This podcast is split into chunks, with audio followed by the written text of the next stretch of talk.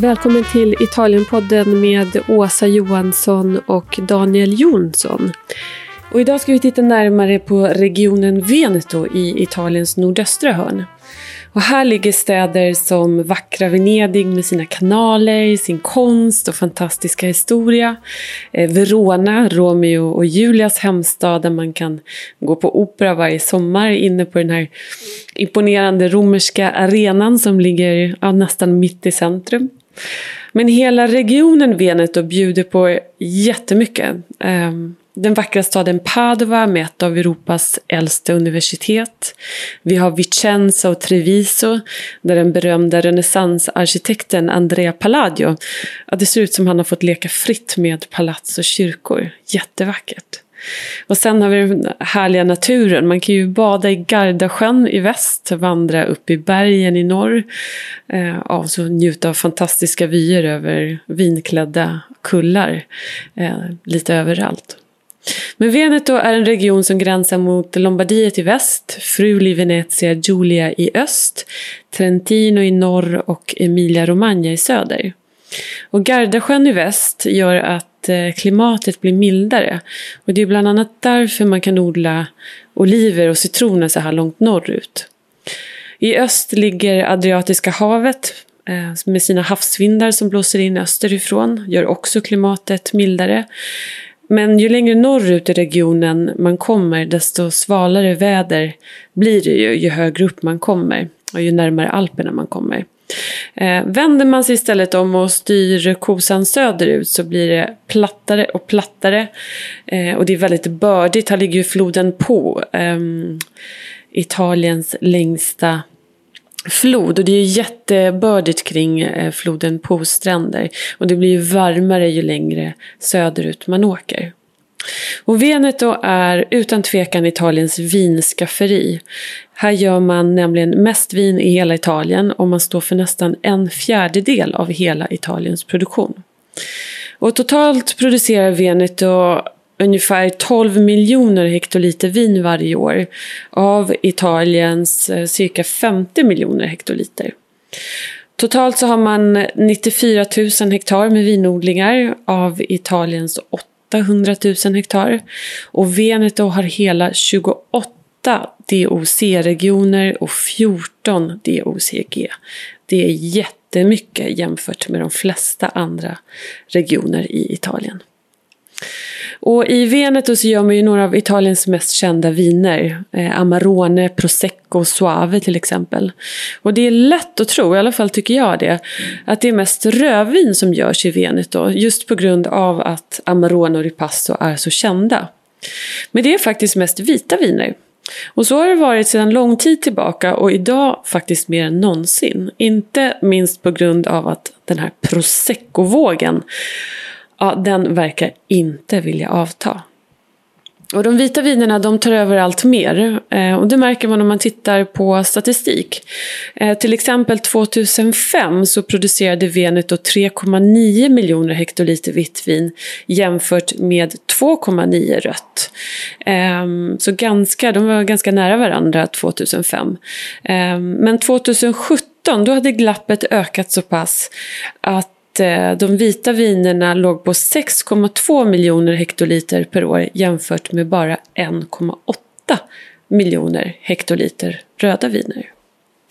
Och de tre mest odlade gröna druvorna i Veneto det är Glera, druvan som man gör prosecco på, eh, Pinot Grigio och Garganiga som används till de vita suavevinerna. Om vi ska titta lite närmare på vinerna från Veneto så kan vi börja med Soave. Um, ehm, och det är ett av Italiens mest välkända namn tillsammans med Pinot Grigio Chianti. Um, det produceras, Soave produceras kring en vacker liten by som givit sitt namn åt, eh, åt vinet. Uh, och Soave ligger en, ungefär en halvtimme öster om Verona. Och här ligger ett medeltida slott Castello di Suave eh, och hela byn är omringad av en medeltida ringmur.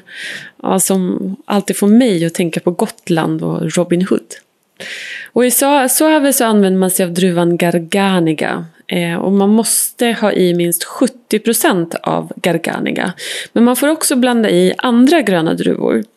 Och den bästa av de liksom, andra gröna druvorna som man får ha i tillsammans med Garganiga eh, när man gör en suave, det är en druva som heter Trebbiano di Suave.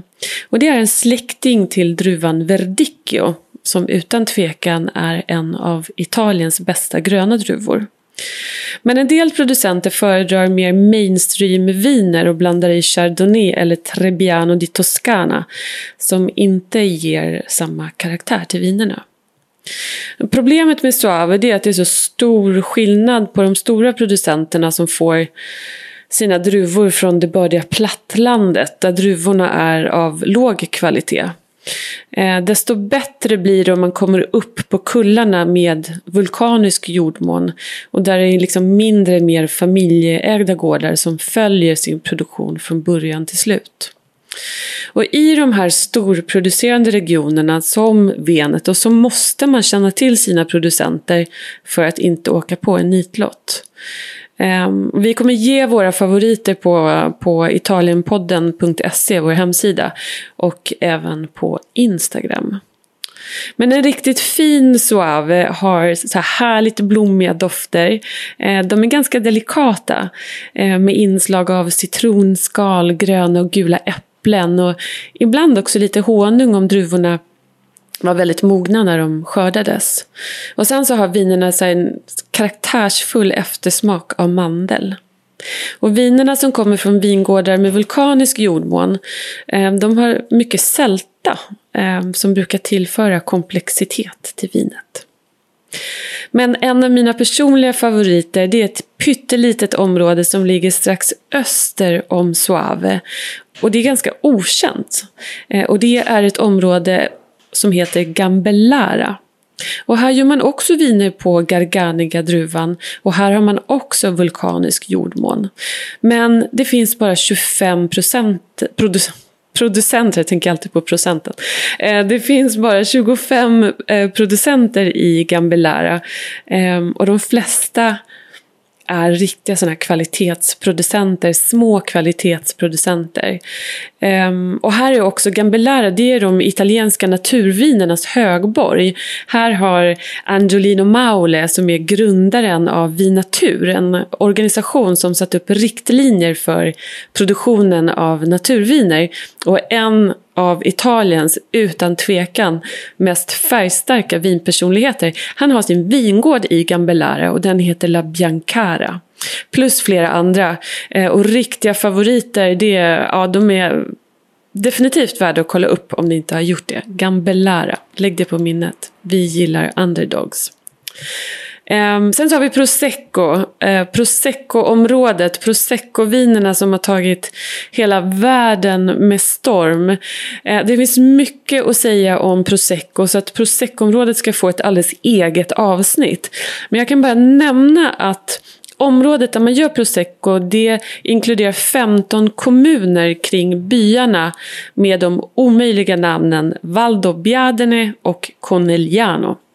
Och sen så är det nio provinser i både Veneto och regionen Friuli.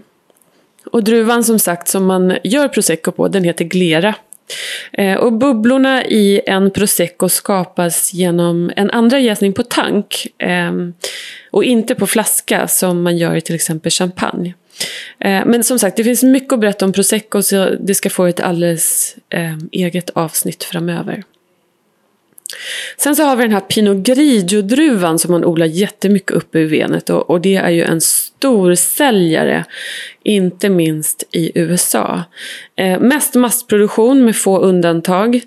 Eh, och till och med Lady Gaga har ju skrivit en sång som heter just Pinot Grigio. Eh, och ett annat trevligt vin, vitt vin, eh, är Lugana. Kanske inte jättekänt i Sverige. Um, men det är ett vin som görs strax söder om Gardasjön, Italiens största sjö. Eh, I den västra delen av Veneto. Och området ligger på mjuka kullar där jordmånen är mest kalksten och lera. Och druvan i Lugana-området heter Torbiana. Tidigare hette den här druvan Trebbiano di Lugana. Um, och det här är också en druva som är släkt med kvalitetsdruvan Verdicchio, precis som Trebbiano di Suave. Uh, men till skillnad från Trebbiano di Suave som är en biotyp, det vill säga en sorts variant av Verdicchio, så ses Turbiana som en alldeles egen druvsort. Och de flesta vinerna gjorda på Turbiana de har en mjuk syra, eh, delikata blomdofter med lite så här örtiga inslag, mycket gröna äpplen och persikotoner.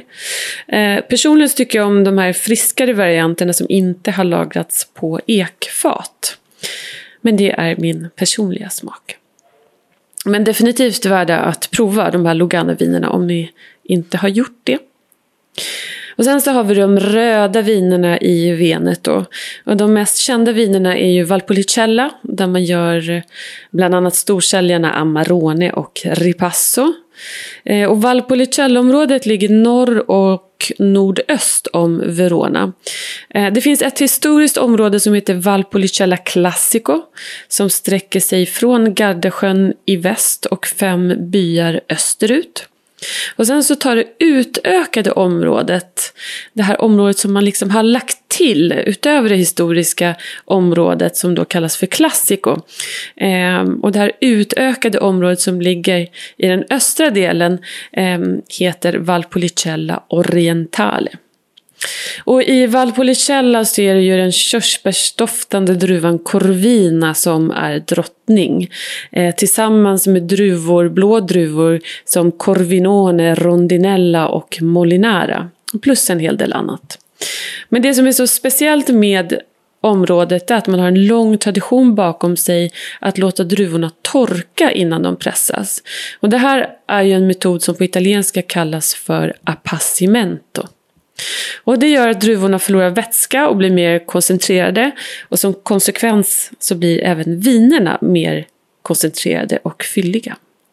Och metoden används både till Amarone och dessertvinet Recioto di Valpolicella och i viss del även till Ripasso-vinerna. Men vi ska titta närmare på Valpolicella och eh, på områdets viner i kommande avsnitt. Ett annat rött vin från Veneto som har en mycket bättre kvalitet idag än någonsin tidigare det är ett område som heter Bardolino. Ehm, och det är ett vin som görs på den östra sidan av eh, Gardasjön. Eh, på samma druvor som i Valpolicella. De här Corvina, Rondinella och Molinara. Men utan att man torkar druvorna. Så vinerna från Bardolino de är så här körsbärsdoftande med låga tanniner, de är bäriga och saftiga. Och jag tycker personligen att eh, det här är väldigt trevliga vardagsviner. Ehm, och i Bardolino så gör man också ett av Italiens mest kända roséviner som heter Chiaretto. Chiaretto betyder ljus på italienska. Och vinet görs på Corvina-druvan och sen en liten del rondinella. Och det doftar smultron, hallon och mandarin och grapefruit. Och så väldigt syrligt tycker jag, eh, med mycket sälta i de bästa fallen. Um, så ja, det här var en uh, kort introduktion till regionen Veneto. Um, det kommer um, avsnitt om just Valpolicella och Prosecco. Ska titta lite närmare på de, de regionerna. Och sen så hittar ni även våra favoritviner, tips på viner eh, från Veneto på italienpodden.se och på Instagram där vi också heter Italienpodden. Vi hörs snart igen. Ciao ciao!